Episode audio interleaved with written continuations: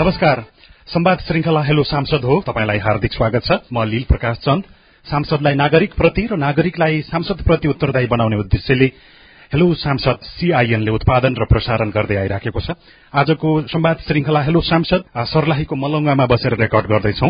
सर्लाही क्षेत्र नम्बर दुईबाट निर्वाचित सांसद महेन्द्र राय यादवज्यू हुनुहुन्छ। मानिजू यहाँलाई हेलो सांसदमा स्वागत छ। धन्यवाद। क्षेत्र नम्बर दुईको लागि निर्वाचनको बेलामा तपाईँले जति बाचा गर्नुभएको थियो नि संविधान संशोधन गराउँछौ देशका नागरिकको पक्षमा लेख्छौ संविधान भनेर तपाईँले भन्नुभएको थियो जो पूरा भएको छैन। भएको छैन हामी हस्ताक्षर गरेन। त्यति बेला जनतालाई जुन हामीले मत मागेका थियौं त्यो अनुकूलको संविधान भने हामीले हस्ताक्षर गर्ने संविधानमा। तर पनि यो संविधानमा हस्ताक्षर नगर्दा पनि अहिले त्यहाँ भएको उपलब्धिहरू संविधानमा जो संघीय लोकतान्त्रिक गणतन्त्र यो समावेशी समानुपातिक छ धनपेक्षता छ यो संविधानलाई रक्षा पनि गर्ने यो असहमतिको विषयहरूलाई अगाडि बढाउनको लागि हामीले मत मागेको थियौं। त्यो एउटा पक्ष हो दोस्रो हो विकास निर्माणको। मैले एउटा सरकारी कार्यक्रम बनाएँ र हाम्रो चार करोड़ रुपियाँ जुन थियो त्यो पैसा र त्यसै आधारमा सबै गाविसहरूलाई हामीले बैठक बसेर एउटा निर्णय गर्यौं। त्यति पैसा चार करोड़ गाविसलाई दिने दुईटा विधायकले दुई करोड़ एक एक करोड़ रुपियाँ दिने हाम्रो प्रोजेक्ट बन्यो छ करोड़ रुपियाँ सांसद र विधायकको छ करोड़ रुपियाँ छ करोड़ रुपियाँ गाविसले दियो बाह्र करोड़ रुपियाँ र त्यसपछि हामीले सरकारसँग आग्रह गर्यौं। अहिले हाम्रो सर्लाहीको दुई नम्बर क्षेत्रमा त्यति बेला एघार एघार करोड़ तीन लाख चालिस हजार रुपियाँ हाम्रो एस्टिमेट बन्यो। भनेको बजेट छुट्याउने काम चाहिँ भएको छ तर अरू काम अगाडि बढ्न सकिरहेको छ कि छैन? त्यो छुट्याइसकेपछि हामीले ऊर्जा मन्त्रालयसँग कुरा गर्यो त्यहाँको एमडीसँग कुरा गर्यो त्यहाँको मन्त्रीसँग कुरा गर्यो र हामीलाई यो क्षेत्रको लागि मलाई चाहिँ कि यो जति पनि दुई सय पचहत्तरवटा सांसद मध्येमा मलाई चाहिँ कि साझदारी प्रोजेक्ट एघार करोड़को आफ्नो जनताको पैसा एक ठाउँमा गरेर सरकारले एघार करोड़ तीन लाख चालिस हजार रुपियाँ साझदारीमा भयो। बाइस करोड़ काम हुने भयो। विद्युतीकरणको लागि विद्युतीकरण ट्रान्सफर्मर पोल होइन र कृषि सड़कको लागि अहिले बाइस करोड़को दुई वर्षमा गरिदिने त्यसमा पनि होइन कालो कालो तारहरू लगाउने। यस प्रकारले जुन जनतासँग वचन गरिएको थियो त्यो पहिले किसानको हातमा पानीको व्यवस्था गर्ने। अर्को सालदेखिको योजना जुन छ नि त्यो मोटरको हुन्छ। त्यसपछि के अरे मोटर मोटरको हुन्छ त्यसपछि बोर्डिङको हुन्छ त्यो हामी गराउँला अर्को साल। मानिज्यू लालबन्दीबाट मलङ्गातर्फ आउँदै गर्दाखेरि नवलपुर मलङ्गवा सड़क खण्डको केही बस्तीभित्रमा प्रवेश गरेको थिए। अगरुवा र गमहरिया स्थानीय बासिन्दा त्यहाँ भेटिनु भयो मेरो नाम भेष कुमार दास। टिचर हो म गमडिया मलङ्गवा एघार उहाँले त चुनावमा धेरै काम गर्छु भन्नुभएको थियो सड़क बनाइदिन्छु होइन खानेपानीको व्यवस्था गराइदिन्छु कृषिको लागि पनि धेरै कामहरू गरिदिन्छु भन्नुभएको थियो तर उहाँले भने अनुसार काम चाहिँ अरू केही भइरहेको छैन। अब एउटा सड़क थियो मलङ्गवा नवलपुर खण्ड जोड्ने सड़क जुन निर्माण भइरहेछ सर त्यसमा लापरवाही हेर्नुहोस्। एकतिरबाट रोड सड़क बन्दै आइरहेछ अर्कोतिर त उकिरहेछ। त्यो के खालको मेटेरियलहरू त्यहाँ प्रयोग भएको छ? यो सड़क निर्माणको काम हुँदा त्यो पानी पटाउनु पर्ने हो नि त? उहाँहरूकै जिम्मेवारी हो नि त? उहाँले लाउनु पर्छ नि त। प्रश्न के सोध्न चाहन्छु कि नेताज्यू तपाईँले जुन यो हाम्रो मलङ्गवा यो नवलपुर सड़क खण्डको काम हुँदैछ त्यसको बारेमा तपाईँले एकदम पक्कै जानकारी होला। यसमा गुणस्तरहीन सामग्रीहरू जुन प्रयोग भइरहेको छ त्यसलाई कसरी नियन्त्रण गर्नुहुन्छ तपाईँ। त्यसलाई कसरी राम्रो बनाउन सक्नुहुन्छ त्यही मेरो उहाँसँग प्रश्न हो। र यहाँका जनताहरूसँग तपाईँले जे जे बाचा गर्नु भएको छ त्यो सब कहिले पूरा गर्नुहुन्छ। राम पुकार दास। प्रश्न त यही छ हजुर कोही विकासका लागि चुनावको टाइममा भन्छौँ यो गर्छु यो गर्छु यहाँ केही पनि गरेको छैन। सड़कलाई बनाउँछ गाउँघरमा मने नला बनाउँछ कहाँ केही केही विकास छैन कहाँ छ? सिंचाई बिजुली पानीको व्यवस्था सबै गर्छु भन्नुभएको थियो। तपाईँ के भन्नुहुन्छ? अरूको गाउँभन्दा पनि गमडियामा हामीले समयमा पानी पुगाएका छौँ। र त्यहाँ यति राम्रो धान फल्यो कि पाँच वर्ष घट्टा कहिले हुने ठाउँमा त्यसरी भएको हो। पूर्व सिंचाई मन्त्री पनि हुनुहुन्छ। कम्तीमा यति चाहिँ मैले काम गरेको छै पूर्व सिंचाई मन्त्री भएको कारणले गर्दाखेरि निर्वाचन क्षेत्र नम्बर दुईमा भन्ने खालको त्यस्तो के सुनाउन लाग्छ कि छैन? किन छैन। र हाम्रो पालामा होइन त्यो हो। अहिले पनि मेरो लाग्छ कि यो भरमपुरी र भेलीमा त्यति बेला अलग अलग गाउँ थिए। त्यहाँ दुईटा प्रोजेक्ट छ तपाईँको। अहिले पनि प्रोजेक्ट मतलब टेन्डर हुने प्रक्रियामा छ। मुद्दा लाग्यो त्यो नुकेलबामा। नुकेलबा मुद्दा लाग्यो। होइन त्यहाँको स्थिति यस्तो अवस्था छ कि त्यहाँ मुद्दा लागेर अहिले त्यो ठेक्कापट्टा अहिले फेरि टेन्डर भइरहेको छ। त्यसपछि हाम्रो त्यो मेरै गाउँमा होइन त्यो करिब करिब अढाई तिन करोडको भयो। सर्लाही जिल्लामा त्यो परमानीपुरदेखि लिएर परमानीपुरदेखि लिएर होइन चाहे त्यो ईश्वरपुरको होइन त्यो नयाँ टोल होस् सोरम होस् या बागमतीको होस् एकासी होस् चाहे हरपुरको होस् यो सबै ठाउँमा मैले सिंचाई मन्त्री भएको बेलामा यो सर्लाही जिल्लामा मलाई चाहिँ यत्रो लामो समयमा कुनै मन्त्री हुँदाखेरि कुनै पनि सरकार हुँदाखेरि त्यति चाहिँ त्यो टेन्डर भएको थिएन। नागरिक समाज सर्लाहीका अध्यक्ष उग्रकान्त जहाँ पनि छलफलको लागि यहाँ हुनुहुन्छ। क्षेत्र नम्बर दुईमा यो यो काम गर्न अझै आवश्यक छ भन्ने के छ? छोटकरीमा झन्डै झन्डै एक मिनट भन्दा बढी चाहिँ नलिदिनु होला। उहाँको प्रयास र सद्भाव जहिले पनि हामीसँग सकारात्मक रहन्छ उहाँको चाहना रहन्छ तर विविध कारणले उहाँ सकिराख्नु भएको छैन। के गर्न सक्नु भएन? बुधबार एक दुई तीन। कर्मचारीसँग स्थानीय तहको तालमाल पनि मिलिरहेको छैन। अर्को के छ भने जति संख्यामा जहाँ जुन कर्मचारी चाहियो अथवा सहयोगी हात हुनुपर्ने त्यो सहयोग गरिरहेको पनि हामीले देख्दैनौं। विकास निर्माणको सन्दर्भमा चाहिँ के छ? निर्माणमा पनि प्रशासनिकमा पनि जस्तै कि विकासमा उहाँले भनिहाल्नुभयो कि ठेकदारहरूले समय बिताउँदै जान्छन् बिताउँदै जान्छन्। लास्ट आवरमा जब उहाँको सम्झौताको जब एक दुई वर्ष बाँकी रहन्छ त्यही बेलामा उहाँ काम गर्न शुरू गर्नुहुन्छ क्वालिटी चाहिँ कमजोर हुन्छ। पहिले जवाब लिइहाल्छु त्यसपछि फेरि अर्को पटक आउँदा तपाईँसँग तीन तहको सरकार हो स्थानीय स्तरमा समस्या छ कर्मचारीहरूको। र कर्मचारीहरू अहिले पनि त्यहाँको प्रमुख हो त्यो मेयरको प्रति उत्तरदायी छैन। त्यो केन्द्रकै उप दायित्व छ। उसले विदा विदा लिँदा पनि होइन त्यो मेयरसँग सोध्दैन गइहाल्छ। भन्दाखेरि कर्मचारीको समस्याका कारणले यहाँहरू यहाँको विकास निर्माण शत प्रतिशत हुन सकिरहेको छ। यसमा समन्वयकारी भूमिका खेल्नको लागि मैले यस्तो यस्तो गरेको छु भन्ने हो कि? अथवा तपाईँले भनेको कसैले मानिराखेको छैन? हाम्रो यहाँ सभापति हुनुहुन्छ उहाँको जिम्मेवारी पनि समन्वयकारी हो। मैले लाग्छ म आएको बेलामा अहिले त्यो रजिस्टर होला।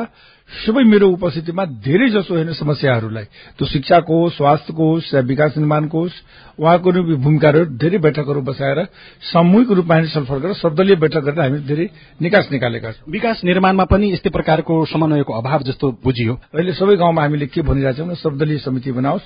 यो विकासको निर्माण खास गरेर मधेसमा यो पार्टी सिस्टमको जुन भावना छ छोडिदिनुपर्छ। सबै जनता हेर्न सर्वदलीय हिसाबले विकासको अगाडि बढोस्। तपाईँले नमुनैको रूपमा हो भने गसले हाम्रो क्षेत्रमा सोद्धाखेरि महत्वपूर्ण कुरा सोध्नुभयो। नदी नियन्त्रण बीस वर्षदेखि भेरैया के अरे यो खुटाउना यो भार्सर यो शिवनगर यो कोरेना सबैसँग सोध्नुहोस्।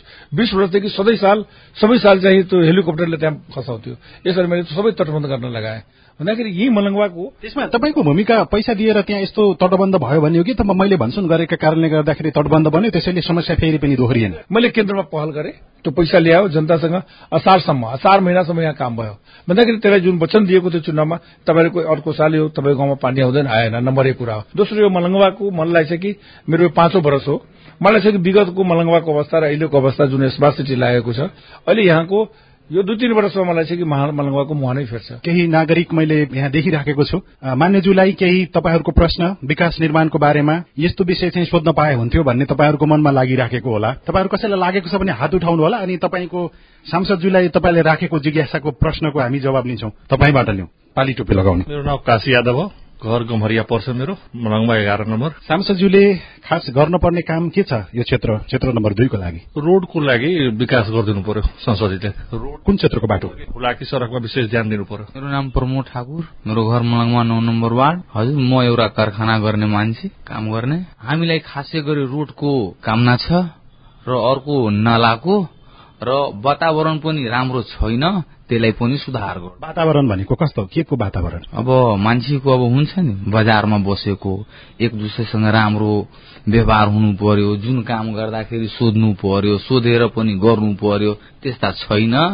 आफूले जहाँ मन लागे त्यही गरे जहाँ न मन लागे नगरे त्यस्तो कुरा छ। उहाँहरूले सबैले अहिलेसम्म राखेको विषय बाटोको सड़कको छ। अघि पनि हामी आउँदै गर्दाखेरि बीचमा केही नागरिकसँग हाम्रो भेट भयो र उहाँलाई सोद्धाखेरि चाहिँ बाटो चाहिँ बन्छ बन्न शुरू गर्छ। अगाडिबाट बन्दै गर्छ पछाडिबाट फेरि उफ्किँदै जान्छ भन्नुभयो। तपाईँले अगाडि आफै पनि स्वीकार्नु भयो कि गुणस्तरको अवस्था ठेकेदारले नपत्याइराखेको अवस्था छ भन्नुभयो। यो चाहिँ काम गर्न सक्छु भन्ने हो कि अथवा ठेकेदारले उल्टी नेता कार्यकर्ता चलाइराखेका कारणले गर्दाखेरि म पनि त्यही समस्यामा छु जुन अन्यत्र क्षेत्रका सांसदले ठेकेदारलाई आफ्नो एउटा पकडमा लिन सक्दैनन् त्यस्तै भन्ने नै हो। ठेकेदारलाई होस् देशमा होइन कानून बलियो हुनुपर्दछ। हाम्रो देशमा मलाई चाहिँ कि देशको होइन गृहमन्त्रीजीले जुन एक बेला ठेकेदार नकाम गर्ने गुणस्तर गर्नेलाई कारवाही गर्छु भने भन्दाखेरि ठेकेदारहरू सड़कमा ओर्लियो। त्यसपछि फेरि के भयो के भयो हेस लाग्यो मैले हाउसमा पनि उठाएँ। त्यसपछि होइन यो मन्त्रालयले होइन मेरो मन्त्रालयमा किन हस्तक्षेप गर्ने? त्यसपछि फेरि ठेकेदारहरूको समस्या यथावत स्थितिमा यसको अर्थ हामीले सिधा अर्थमा अब सरकारले पहल गरेन भन्ने होला तर भित्री अर्थ त कसले देश चलाइराखेको छ भन्ने एक प्रकारको उदाहरण पनि होला।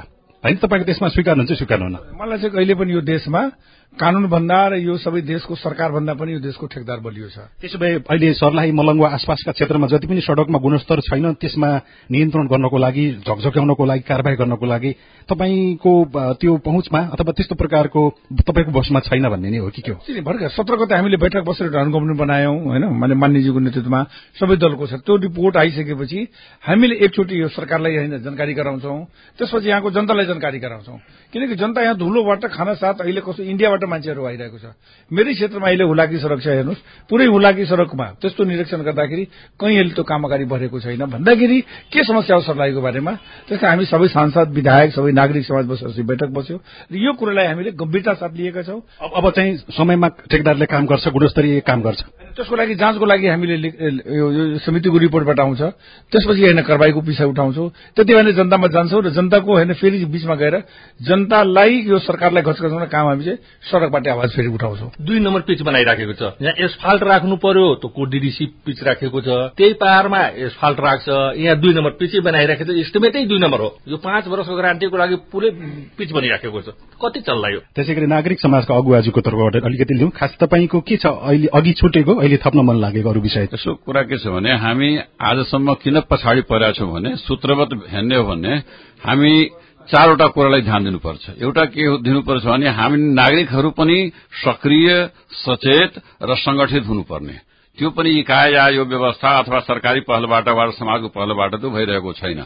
जहाँ तहाँ खालि राजनीतिक दल पार्टी निर्वाचन यही कुरा हुन्छ नागरिक प्रबुद्ध नागरिकहरू विभिन्न अनुभवी नागरिकहरू जस्तै कुनै सेनाबाट रिटायर होला कुनै शिक्षकबाट कुनै कर्मचारी विभिन्न तर्फबाट उनीहरू पनि एक ठाउँमा बसेर रचनात्मक काममा सहयोग गर्नुपर्ने त्यो भावना हाम्रो नागरिकहरूमा पनि भइरहेको छैन। अर्थात नगर नागरिक राम्रो हुनु पर्यो। शिक्षा स्तर राम्रो हुनु पर्यो अहिले सबभन्दा खत्तम भनेको शिक्षा हो। मान्यजीले पनि भन्नुभयो शिक्षा एकदम लथालिङ्ग छ पढाइ चढाइको खत्तम छ त्यहाँ पनि राजनीति प्रवेश गरेको छ।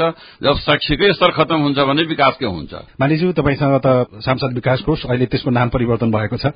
खास त्यो रकमबाट शिक्षाको क्षेत्रको विकासको लागि क्षेत्र नम्बर दुईमा शिक्षा अझ राम्रो बनाउनको लागि यदि पैसा लगानी गरे छुट्याए भन्ने हो कि खास के सोच्दै हुनुहुन्छ? होइन शिक्षा क्षेत्रको लगा यसपालिको बजेट त किनभने हामी जनतासँग छलफल गर्छौं। अर्को सालको बजेटमा फेरि हामी छलफल गरेर मलाई चाहिँ शिक्षा क्षेत्रको बजेट भन्दा पनि त्यसको व्यवस्थापन आवश्यकता छ। होइन शिक्षकहरू जुन छ नि त्यसको होइन क्वालिटीको सवालमा उसको समयको अभावमा उसले पढाउने विधिको सवालमा अहिले सबै गाउँ गाउँमा चाहिँ अहिले बोर्डिङहरू चलिरहेको छ। मलाई चाहिँ बोर्डिङ बन्द बन्यो भने यहाँको बच्चाहरूको होइन नाम लेख्ने ठाउँ हुँदैन। सबै नगरपालिकामा अहिले पैसा पठाइदिने।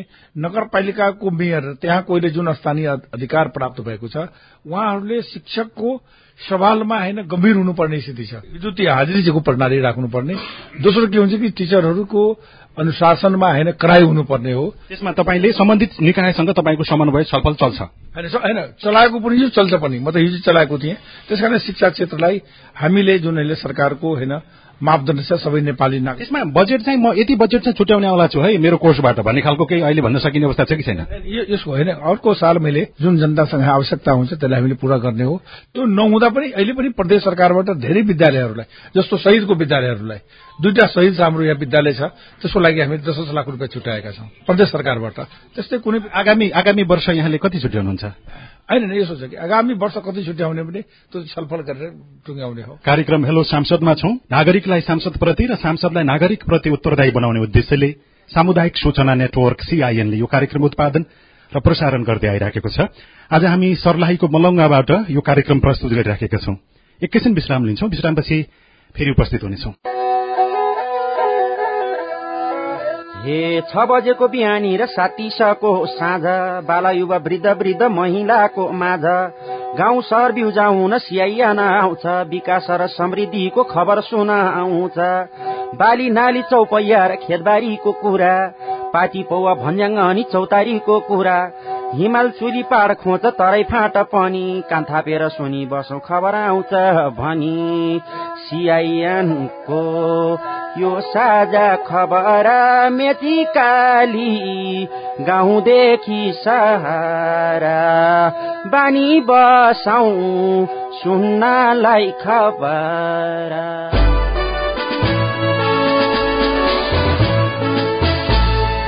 विश्रामपछि संवाद श्रृङ्खला हेलो सांसदमा फेरि पनि हार्दिक स्वागत छ सांसदज्यू। धन्यवाद। धेरै घरेलु हिंसाहरू बाल विवाह बहु विवाह लैङ्गिक हिंसा कुटपिट सारा केसहरू भइरहेका छन्। ती केस न्यूनीकरणको लागि तपाईँको भिजन के छ? र अहिलेसम्म तपाईँहरूले कस्ता कस्ता व्यक्तित्वहरूलाई राखेर कार्यक्रम राखेर छलफल गर्नुभएको छ त्यसको न्यूनीकरण गर्नको लागि? महिला अधिकार कर्मी हुनुहुन्थ्यो बनिता कार्की। अधिकार कर्मीको हैसियतले तपाईँको क्षेत्रमा उहाँले काम गर्नुहुन्छ तर महिलाहरूको स्थिति उकास्नुपर्छ भन्ने बारेमा खासै त्यति धेरै चासो पनि दिँदैनन् भन्नुभयो एउटा कुरा। अर्को चाहिँ तपाईँसँग जुन यो सांसद विकास कोष छ अहिले त्यसको नाम परिवर्तन भइसक्यो। त्यसबाट महिलाहरूको स्थिति अझ उकास्नको लागि खास तपाईँले के कति काम गर्नु भएको छ भनेर पनि तपाईँसँग सोध्नु भएको छ। होइन विगतको अब मेरो जुन समय अवधि थियो र बजेट थियो त्यसलाई नारी उत्थानको लागि होइन महिलाहरू सशक्तिकरणको लागि होइन केही केही बजेट हामीले छुट्याएका थियौं र छुट्याएको पनि केही प्रभाव पनि भएको हो। यसपालिको बजेट हामीले के भयो भने कि अब स्थानीय पनि धेरै पैसा त्यहाँ छ प्रदेश भयो। त्यसकारण यसले ठोस रूपमा समझदारी काम ल्यायौँ हामीले। नीति नै एउटा बनायो र मलाई लाग्छ कि यो अवधिभर त्यो सरकारी नीतिमा नै हामी जाने हो। त्यसकारण महिलाको सशक्तिकरण सशक्तिकरणको लागि र महिलाको अधिकारको बारेमा होइन खास गरी मधेसमा शिक्षाको अभाव छ चेतनाको अभाव छ। त्यसको लागि कुनै राजनीतिक पार्टीहरूले कुनै पोलिटिकल पार्टीहरूले महिलाको सवालमा जुन अहिले तेत्तीस प्रतिशत दिएको छ अहिले पचपन्न सौ अहिले प्रतिनिधि बनिएको छ। ती प्रतिनिधिहरूलाई शैक्षिक अवस्था जस्तो उपमेयरको होइन कानूनी अधिकारको जिम्मा दिए त उसको होइन जुन क्षमता छ तर क्षमता वृद्धिको सवालमा होइन त्यसको लागि ट्रेनिङको व्यवस्था गर्नुपर्छ। यी सबै कुराहरू जुन उठाउनु भएको छ त्यो ठिक हो र यसलाई हामीले सबै क्षेत्रमा सन्तुलित रूपमा सरकारको तर्फबाट जनप्रतिनिधिको तर्फबाट स्थानीय स्तरमा महिला सशक्तिकरण गर्न आवश्यक छ। जबसम्म देशको महिलाको अधिकारको बारेमा जुन कानूनी अधिकार छ र महिला र पुरूष दुइटै सँगै मिलेर अगाडि बढ्न सकेन भने यसले मुलुकलाई अगाडि विकास गर्न र समृद्धि गर्न ल्याउन सक्दैन। यसपालि त होइन अर्को सालमा मैले ससा ठोस रूपमा काम होस्। बाल विवाहको स्थिति निकै डरलाग्दो छ अहिले पनि। हामीले छलफल गर्यौं कि क्षेत्र नम्बर दुई लगायत यो समग्र जिल्लाकै स्थिति खराब छ भन्ने कुरा भयो। पछिल्लो समय स्थानीय सरकारहरूले केही कडाई गर्न थालेपछि नेपालबाट भारत जाने उतै विवाह मण्डपमा बसेर बिहेबारी गरेर उतै छोड्ने हो भने उतै छोड्ने होइन भने फर्केर नेपालमा आएर बस्ने गरिरहेका छ भन्ने पनि सुनियो। यो सुन्दै गर्दाखेरि तपाईँलाई पनि यो विषय त थाहा त छ। कस्तो लाग्छ कि यसको लागि म केही गरौं जस्तो लाग्छ कि? अथवा मैले काम गरिसकेँ भन्ने पनि हुन सक्छ होइन यसो छ कि यो यो वास्तवमा यो जुन सामाजिक चेतनाको र अशिक्षाको कारणले यो बाल विवाह हुने कारण मूलत हो। त्यसको लागि अहिले शिक्षाको जुन प्रणाली छ त्यो प्रणालीमा कानूनले हक म्याद तोकिदिएको छ। यति उम्रसम्म बिहेबारी गर्ने। त्यो कमसेकम नागरिकले बुझ्नु पर्यो त्यो महिलाले बुझ्नु त्यो पुरूषले बुझ्नु त्यो बुझ्न सकेको छैन। दोस्रो के हो भने मधेसको सबभन्दा अशिक्षा गरिबीको साथसाथ यहाँ विकृतिको ज्वर रोपिएको छ। दुईटा विकृति हो। एउटा मान्छेहरू धेरै नसालुहरू नसा खान्छ। त्यो नसाको कारणले पनि मान्छेमा एक प्रकारको विकृति पैदा छ।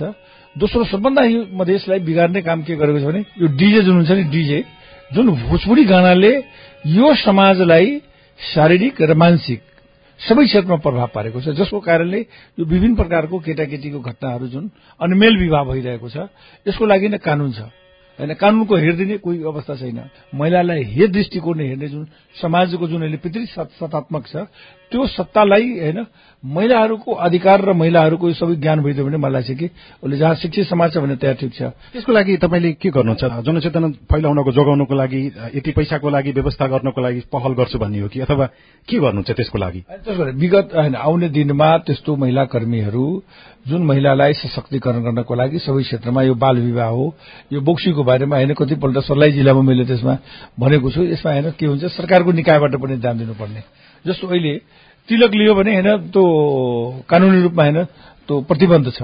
होइन त्यो दोषी हुन्छ। तर लिइसक्दा पनि होइन त्यहाँ अब जसले कानूनको रक्षा गर्ने हो सामाजिक रूपमा हुन्छ। जसले कानूनको रक्षा गर्यो त्यही गरेर ठुल्ठुलो भोज खान्छ। उसलाई थाहा छ। जसले कानूनको रक्षा गर्ने हो। त्यसलाई कारवाही गर्नको लागि म यस्तो प्रकारको कदम चाल्छु अभियान चलाउँछु भन्ने केही छ छैन त्यस्तो त्यसको लागि होइन सामाजिक नागरिक होइन चेतनाको आवश्यकता छ। त्यसलाई होइन कमसे कम यो तिलक दान दहेजबाट मान्छेहरूको होइन सैकड़ो महिलाहरूको मृत्यु भइरहेको छ फाँसी लागिरहेको छ। विवाह भइसकेपछि तिलकको लागि होइन प्रताडित गरिन्छ। अनि महिलाहरू होइन झुन्डिएर मरिन्छ आगो खनाइदिन्छ। सासूबाट ससुराबाट त्यसको प्रताडित गरिन्छ। यो सामाजिक जो कुरीति हो। यो कुरीतिको मूल कारण के हो भने अन्धविश्वास हो। सबभन्दा पहिले अन्धविश्वास हटाउनु पर्यो र सबै क्षेत्रबाट यसलाई एउटा सकारात्मक सकारात्मक रूपमा हामीले जान सक्यो भने सामाजिक कानून र राज्यको जुन कानून त्यसलाई दुइटैलाई व्यवहारमा लागू गर्न सक्यो भने मलाई नियन्त्रण हुन सक्छ। सबैभन्दा यसको लागि सबभन्दा शिक्षा नै आवश्यक हो। शिक्षक शैक्षिक ज्ञान भइदियो भने मलाई सबैले आफ्नो जीवनको बारेमा आफ्नो उसको बारेमा हुन्छ। अहिले त मधेसमा कुनै पनि जिल्लामा जानुहोस्। अहिले सबभन्दा बढी केटाकेटीको यो भागेर लगेको यता इत्यादि दिन रात अहिले त्यही संख्या बढेको छ। जबकि यो दस वर्षमा त पहिले थिएन। अहिले धेरै बिग्रालोको रूपमा यसो के भने नसालु जुन छ नि मान्छेले यहाँ बोर्डर पर्छ।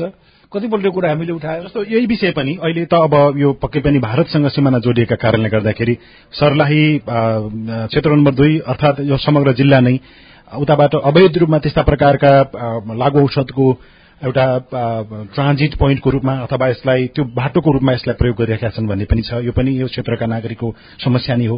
यो समस्या समाधानको लागि तपाईँ चाहिँ के गर्नुहुन्छ?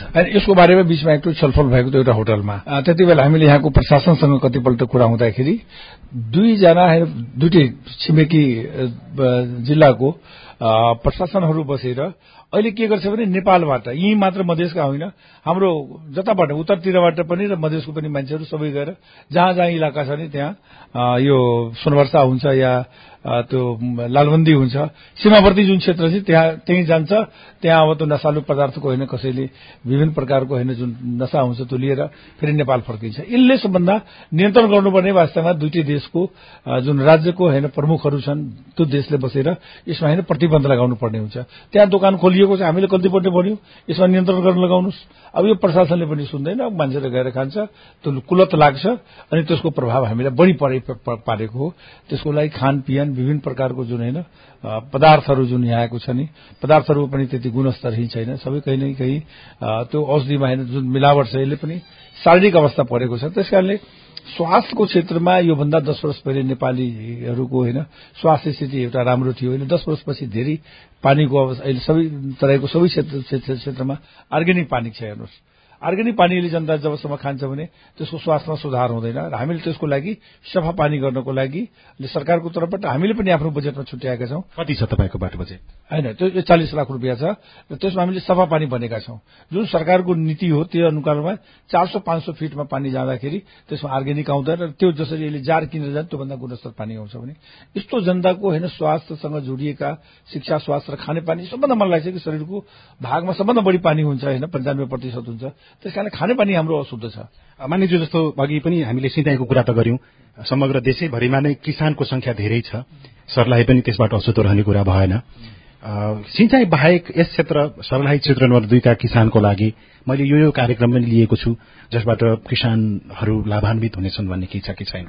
यसको लागि दुईटा दुईटा हो। एउटा अघि पनि मैले त्यो बाइस करोड़ रुपियाँको हाम्रो त्यो सिँचाइको लागि यसपालि गर्ने अर्को सालदेखि प्रोग्राम त्यसमा सानो सानो जुन खोलाहरू छन् त्यसको पनि टेन्डर गर्दै जाने भएको स्रोत। यो सबभन्दा महत्वपूर्ण कुराको मधेसलाई बचाउने हो भने मधेसको होइन जीवन नै हो शिर नै हो हाम्रो चुडे हो। चुडेलाई संरक्षण गर्न सकिएन र चुडेलाई ड्याम बनाउन सकिएन भने यो मधेसको भूभाग सबै मरूभूमिमा परिणत हुन्छ र एक सालमा सरकारको डाटा अनुसारमा चार लाख हेक्टर जमिन चाहिँ कटान र पुरानबाट हुन्छ। यो अवस्थामा यो अवस्थामा मधेसको बीस वर्ष वर्ष यो मरूभूमिमा हुन्छ। मरूभूमिबाट यसलाई बचाउनको लागि मधेसको उर्वरा शक्तिलाई बचाउनको लागि र नेपालको अर्थतन्त्रलाई। किसान किसानहरूको समस्यालाई सरकारले बुझ्न सकेन भने सरकारले यो जग्गालाई नियन्त्रण गर्न सकेन भने मान्नुहोस् त यो देशमा चुडेलाई संरक्षण र ड्याम बनाउनुपर्छ कि पानी सिपेस हुन्छ दोस्रो। किसानहरूको बारेमा अहिले हेर्नुहोस् त हामी उत्पादन गर्छौं। त्यसको मूल हामीले तोक्न सक्दैन। भर्खर सरकारले केही धानको मूलहरू तोकेको छ। त्यसको स्टक हुनु पर्यो त्यस कारणले उत्पादन भएको वस्तुहरूको बारेमा सरकार नियन्त्रण हुनु पर्यो जस्तो अर्को विषय त यही पनि सबभन्दा धेरै कुरा उठ्ने यहाँबाट भनेको सर्लाहीबाट उखुको विषय। उखुको मूल्य पाउँदैन। मूल्य पायो भने चलानीमा फेरि अर्को लबडा हुन्छ। यसमा यहाँको भूमिका के? अर्को सालदेखि अब उखुको समस्या हुँदैन भन्नको लागि तपाईँसँग केही कुराहरू योजनाहरू छ कि छैन? अनि त्यो भन्छ यही सभापति हुन्छ यही बैठक चाहिँ यही माइनर छ। मैले त्यति बेला आएर बैठक बोलाएर मैले त्यहाँ एसपीलाई राखेर सबभन्दा समस्या भनेको इन्डियाको उँखो ल्याउँछ। कम मूल्यमा ल्याउँछ त्यस बीचमा बिचौलिया मान्छे हुन्छ। र त्यसबाट ल्याइसकेपछि हाम्रो किसानकोहरूको उँख जाँदैन। र अहिले पनि तपाईँले जुन पैँसठी प्रतिशत दिनुभयो भने आखिर त्यो सरकारको पनि कारणको नेपाली जन किसानको उखुको कति हो त्यो लागत छैन। किनकि इन्डियाको उखु बेसिएको छ। कसरी दिने? सवालमा त्यसपालि झन्झटिलो भयो। त्यस कारण अहिले पनि के छ भने हामी जान्छौँ कि नेपालको किसानहरूको यो सबै मिलहरू सबै मिलहरू मालिकहरू जुन मिलेको छ नि यो नेपाललाई नेपालको कृषि कृषिलाई र खास उखु किसानलाई वृद्धि नहुन सबभन्दा बाधकको रूपमा यो मिलहरू छन्। अब त्यसो भए त तपाईँ चाहिँ के गर्नुहुन्छ? म सांसदको हैसियत यो काम चाहिँ गर्छु अथवा यो गर्छु भने? होइन यो किसानहरूको लागि होइन विभिन्न चरणमा आन्दोलन भएको छ। संसददेखि लिएर सड़कसम्म हामीले गयौं। तर के छ भने मन्त्री समातिन्छ चौबिस घण्टामा त्यो मान्छे छुट्छ यी सिडिओ कार्यालयमा कतिपल्ट त्यो मिल मालिकलाई बोलायो आँखामा आँसु बगाउँछ होइन नाटक नाटक गर्छ र यहाँ राजनीतिक संरक्षण छ। सबभन्दा मूल कार्य के रहेको भने किसानको समस्या र यो मिलको होइन जुन पार्टीको जुन नेताले संरक्षण गरिरहेको छ सबभन्दा समस्याको जरो यहाँ। र बिचौलियाहरू जुन अहिले मिल मालिकको होइन दलाल बनिरहेको छ भने सबभन्दा समस्याको किसानको किसान विरोधी मान्छेहरू भए यो समस्याको समाधान सम्भव छैन अहिले? समाधानको पनि किसान उठ्नुपर्छ। किसान पनि कस्तो भने असंगठित समुदाय हो। उसले उँखो उत्पादन गर्छ। अहिले मानिस जुन उँखो दिएको छ एक सालमा उसले दस हजार रुपियाँ मोटामोटी छ नेपालको। उसले एक वर्षसम्म होइन पैसा दिँदैन। एक वर्ष पैसा दिँदैन। किसानको पुँजी किसानको श्रम सबै उसले एक वर्ष राख्छ। सरकार मुख दर्श बस्छ र सरकारले यसको जिम्मेवारी हुनु पर्यो नि किसानको लागि। किसान किन असंगठित छ? किनकि यो दलाल नोकरसाप पुँजीपति छन्। यिनीहरूको बिचमा होइन सरकार चलेको छ। उनीहरूले बढी गर्छ। आज थुनिन्छ भोलि चाहिँ समातिन्छ। यहाँ सिडिओलाई भन्नुभयो भने सिडिओले भन्छ कि यहाँ मालिकै भेट्दैन। भन्दाखेरि कहाँबाट जनताले कति उसले क्षमताबाट गर्ने? भन्दाखेरि यो सबै मिलोमतोमा यो किसानहरूलाई। किसान मार्ने काम भइरहेको छ सबै क्षेत्रबाट। सबैले किसानलाई मार्दै गर्दाखेरि अब तपाईँले चाहिँ केही सोच्नु भएको छ? के गर्छु? यसको लागि त मिलको गेटमा गएर हामीले छलफल गर्यौं र किसानहरूको पनि के हुन्छ भने उँखको समय आउँछ। यिनीहरू त्यति बेला चलाउँछ। किसानहरू मेरो उँख सुक्छ। किसानहरू गएर त्यसलाई दिइहाल्छ। उसलाई पैसा जहिले होस् एक वर्ष उसको आफ्नो लागतको हिसाब जोड्दैन।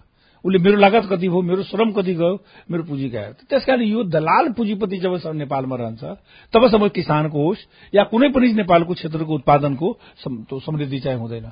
यो सरकारको नारा समृद्धिको लागि हो भने समयमै सरकारले यो कुराहरू नियन्त्रण गर्नुपर्दछ। धन्यवाद। नागरिक समाजका अध्यक्षज्यूले छोटकरीमा केही बताउन खोज्दै हुनुहुन्छ छोटोमा बताउनु होला हामी अन्तिम आइसकेका छौँ। यसो छ उखुको वास्तवमा बहुत ठूलो समस्या छ। हामीलाई जानकारी जो छ कमिङ इयरदेखि धेरै किसानहरूले उखु खोती गर्न छोड्छन्। यसको मेन काम के हो भने पाँच सय छत्तीस रुपियाँ सरकारी रेट हो। तर यो बीचका बिचौलियाहरूले चारै सय रुपियाँ यदि उसले किसानले दिइदिन्छन् भने त्यही पुर्जी लिएर बिचौलिया जाँदाखेरि त्यही मिल मालिकले त्यही संस्थाले उसलाई तुरन्त पैसा दिइदिन्छ त्यसबाट के देखियो भने श्रम शोषण बढ़ी भयो किसान धेरै निराश भयो। अब हामी उखु खेती गर्दैनौं। यो कसैले कन्ट्रोल गर्न सकिरहेको छैन। यसको लागि वास्तवमा पहल युद्ध स्तरमै हुनु पर्यो भने मात्रै यो कन्ट्रोल हुन्छ होइन भने उहाँको पकडमा केही छ? उहाँले यो गर्नुभयो भने चाहिँ किसानले उखु खेती गर्न बन्द गर्दैनन् भन्नको लागि?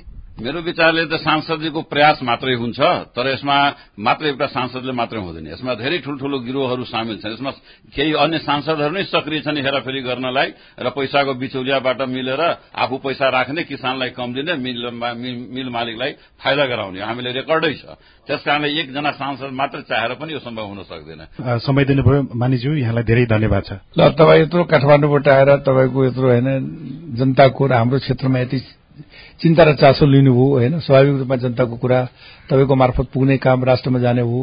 त्यस कारणले तपाईँको यो जुन आउनुभयो त्यसको लागि एकदम वेलकम छ र तपाईँलाई धेरै धेरै धन्यवाद छ। समयमा यस्तै होइन मधेसका जिल्लाहरूमा सबै सांसदको क्षेत्रमाहरू तपाईँहरू गएर जानु भने यसले केही न केही सकारात्मक प्रभाव जनतामा पर्छ। सबै क्षेत्रमा यसको सकारात्मक चाहिँ विकास हुन्छ मलाई लाग्छ। धेरै धन्यवाद। संवाद श्रृंखला हेलो सांसद कार्यक्रम हेलो सांसदमा छौं। आजको कार्यक्रम हेलो सांसद संवाद श्रृंखला हेलो सांसद हामीले सर्लाहीको क्षेत्र नम्बर दुई मलंगुवामा बसेर यस क्षेत्रबाट निर्वाचित सांसद महेन्द्र राय यादवज्यूसँग गर्यौं आजलाई यति नै। यो छलफलमा सहभागी यहाँहरू सबैजनालाई धेरै धेरै धन्यवाद छ। अर्को श्रृंखलामा हामी अर्को एकजना सांसदसँगको छलफल लिएर उपस्थित हुनेछौ। तबसम्मको लागि प्राविधिक साथी सुभाष पन्तलाई धेरै धन्यवाद। लील प्रकाश चन्ता पनि विदा दिनुहोस्। नमस्कार।